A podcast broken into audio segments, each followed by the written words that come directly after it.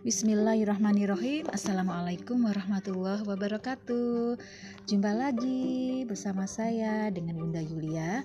Baik kita lanjutkan lagi ya adik-adik Kisah uh, tentang Rasulullah Yang Bunda ambil dari buku Muhammad Teladanku Jilid pertama tentang kelahiran Rasulullah. Bismillahirrahmanirrahim. Adik-adik tersayang, suku Badui adalah penduduk asli Jazirah Arab. Mereka adalah prajurit pengelana yang tangguh. Tinggi mereka sedang, tapi kekar, cekatan, dan kuat menderita dalam alam yang keras. Jika ada anggota keluarga yang tewas, para lelaki Badui akan segera membalas pembunuhnya. Mereka berani dalam bertempur dan sabar dalam kekalahan. Meski demikian, orang Badui terkenal ramah, senang memberi, dan sangat menghormati tamu. Mereka juga tenang, sabar, dan tidak cepat marah. Orang Badui juga sangat mengagumi keindahan syair. Jiwa orang-orang Badui mudah terpanggil pada kebenaran. Mereka adalah orang-orang sederhana. Mereka duduk di lantai dengan wadah makanan di lutut dengan demikian tidak bisa dibedakan, dibedakan mana majikan dan mana bawahan. Adik-adik tersayang, kepada orang-orang inilah Nabi Muhammad Shallallahu Alaihi Wasallam diutus. Berkat bimbingan Nabi Muhammad telah orang-orang Badui dari padang pasir yang sunyi ini mampu mengguncang dunia.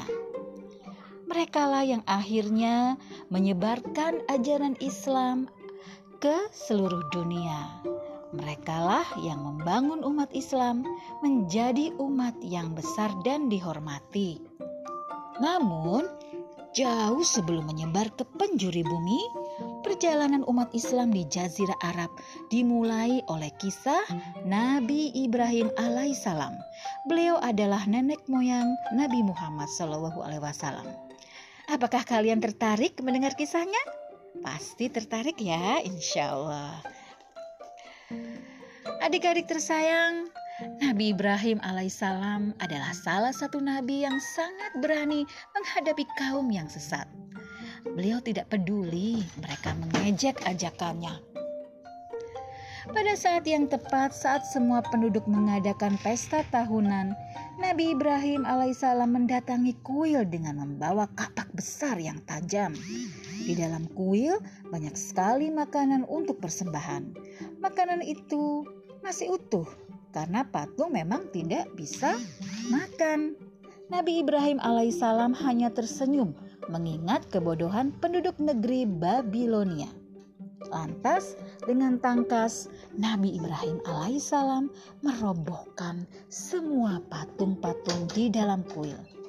Kecuali patung yang paling besar. Sebelum pergi, Nabi Ibrahim alaihissalam meninggalkan kapaknya di pundak patung yang paling besar. Raja Namrud dan penduduk negeri Babilonia sangat terkejut ketika mereka kembali dan melihat kuil tempat penyembahan mereka hancur. Siapa yang telah menganiaya tuan-tuan kita? Teriak Raja Namrud sangat marah. Siapa pun dia, dia harus diberi hukuman yang setimpal. Hamba tahu, ini pasti perbuatan Ibrahim, kata seorang penduduk. Panggil dia sekarang juga. Para pengawal kerajaan diikuti beberapa penduduk mendatangi rumah Nabi Ibrahim alaihissalam. Derap langkah mereka terdengar riuh. Nabi Ibrahim alaihissalam pun diseret dan diarak keliling kota. Beliau lalu dibawa ke tempat terbuka. Ibrahim, apa betul kamu yang telah menghancurkan Tuhan-Tuhan kami? Tanya seorang hakim beberapa saat kemudian. Nabi Ibrahim alaihissalam tersenyum tenang. Bukan, jawabnya singkat. Coba lihat, bukankah yang memegang kapak itu patung yang paling besar? Barangkali dia yang melakukannya, lanjutnya. Mana mungkin, dia tidak bisa melakukan apa pun, kata hakim tegas. Nabi Ibrahim alaihissalam tersenyum lagi. Kalau tidak bisa melakukan apa pun, mengapa kalian menyembahnya? Ujarnya pelan. Semua orang terpana mendengar perkataan Nabi Ibrahim alaihissalam yang begitu pelan, tetapi amat mengagetkan. Mengapa kalian menyembah sesuatu yang tidak mendatangkan kebaikan? Mengapa kalian tidak juga menyadari kesalahan kalian? Diam, Unta Raja Namrud tidak tahan mendengar kalimat Nabi Ibrahim alaihissalam. prajurit. Sekarang juga kumpulkan kayu bakar untuk membakar Ibrahim. Perintahnya kemudian.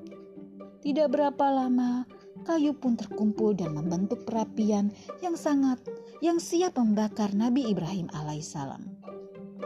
Begitu api berkobar, Nabi Ibrahim alaihissalam dilemparkan ke dalamnya. Disaksikan hampir semua penduduk negeri Babilonia. Pada saat itu pula Allah berfirman, Hai api, menjadi dinginlah kamu dan berilah keselamatan bagi Ibrahim. Quran Surat Al-Anbiya ayat 69 Adik-adik, perlu adik-adik ketahui bahwa Nabi Ibrahim alaihissalam dilahirkan di Irak Ayahnya adalah seorang tukang kayu pembuat patung. Patung-patung itu dijual kepada masyarakat untuk disembah. Ketika remaja, Ibrahim sangat heran melihat patung buatan ayahnya disembah orang. Ayahnya sangat marah ketika Ibrahim menanyakan hal itu. Sebabnya sang ayah khawatir patung-patungnya tidak laku akibat ulah Ibrahim.